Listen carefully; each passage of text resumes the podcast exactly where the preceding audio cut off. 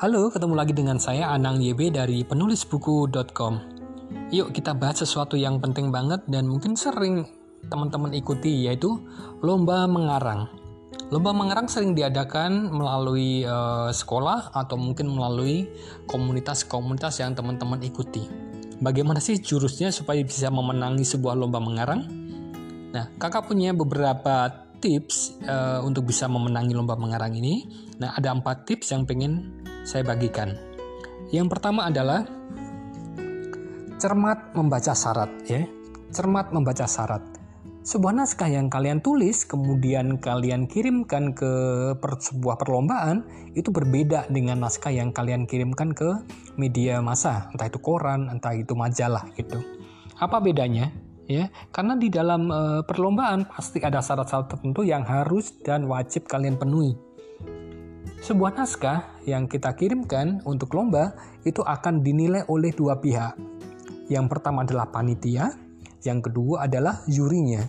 Panitia akan menseleksi apakah naskah itu sesuai syarat atau tidak. Ya, teman-teman harus cermat membaca naskahnya, kemudian sesuaikan dengan syarat yang diminta oleh panitia. Biasanya syarat pertama yang di harus kalian perhatikan adalah uh, siapa yang boleh ikut lomba itu ya. Kalian harus memenuhi dulu bahwa kalian misalnya harus siswa SD sampai dengan SMA yang boleh ikut ya.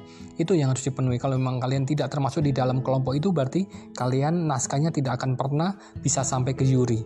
Ya, kemudian yang kedua adalah panjang tulisan panjang tulisannya juga harus dan wajib dipenuhi. Apakah maksimal dua halaman atau maksimal empat halaman atau dalam hitungan kata ya? Maksimal seribu kata misalnya. Terus syarat lain misalnya panjang tulisan itu eh, harus diketik dengan spasi berapa kemudian margin kiri kanan atas bawahnya berapa.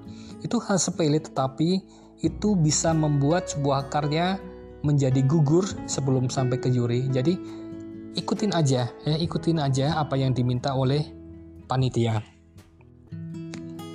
biasanya sebuah lomba itu ada tiga jenis syarat kalau bisa dikelompokkan yaitu syarat peserta, syarat isi karangan dan syarat pengiriman. Nah tiga-tiganya harus harus kalian ikutin ya. Syarat isi karangan. Jadi tema temanya itu harus kalian mas kalian ikuti dan itu kalau misalnya itu sebuah fiksi maka tema itu harus persis sama dengan yang diminta oleh juri. Tema itu lebih baik lagi kalau kalian bisa sisipkan di dalam judul, termasuk juga di dalam paragraf pertama dari karanganmu. Itu akan menjadi sebuah kunci poin untuk bisa memenangi sebuah lomba. Nah, kalau yang disebut dengan syarat pengiriman itu adalah uh, batas waktu yang harus kalian uh, penuhi tidak boleh terlambat bahkan ketika itu harus dikirim lewat pos misalnya itu tanggal sampai surat itu harus sebelum tanggal akhir dari dari batas waktu pengiriman gitu. Terus kemudian sering kali juga ada syarat misalnya harus dikirimkan dalam bentuk tiga set jadi tiga kopi. Itu juga harus dipenuhi jangan kurang tapi juga jangan lebih gitu. Oke? Itu adalah syarat-syarat dari sebuah lomba tips berikutnya harus bagus tulisannya terutama uh, dari segi tampilan ya. Kalian harus rapi tulisannya kalau itu memang harus diketik. Kemudian bayangkan kalau panitia itu menerima 100 uh, eh, naskah lomba. Kemudian masing-masing uh, halamannya adalah 5 halaman maka dia harus membaca sekitar berapa? 500 halaman. Maka biasanya Yuri ataupun uh, panitia akan membaca pertama kali halaman pertama. Maka kalian harus berjuang harus berusaha keras agar halaman pertama dari karangan kalian harus benar-benar memikat gitu. Karena begitu halaman pertama tidak memikat, membosankan atau uh, tulisannya rata-rata aja, hampir sama dengan kebanyakan tulisan lain, maka bisa jadi oleh si Yuri naskah kalian cuma dibaca kemudian disingkirkan setelah mereka membaca halaman pertama. Maka pastikan halaman pertama harus sama uh, harus lebih baik Bahkan syukur-syukur sampai dengan penutupnya itu sudah baik. Kalian harus membuat itu dengan sungguh-sungguh.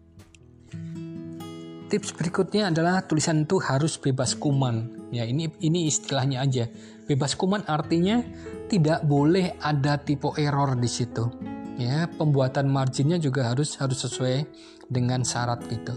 Jadi kalau pindah paragraf diminta ada spasi lebih, maka itu harus di, diikutin. Atau kalau misalnya awal paragraf harus harus menjorok lima ketukan, maka itu juga harus di, diikutin.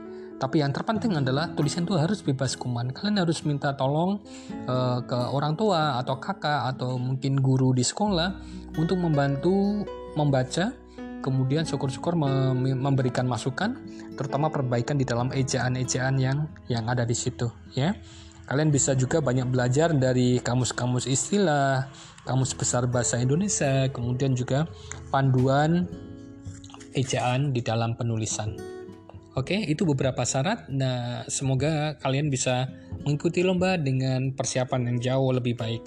Oke.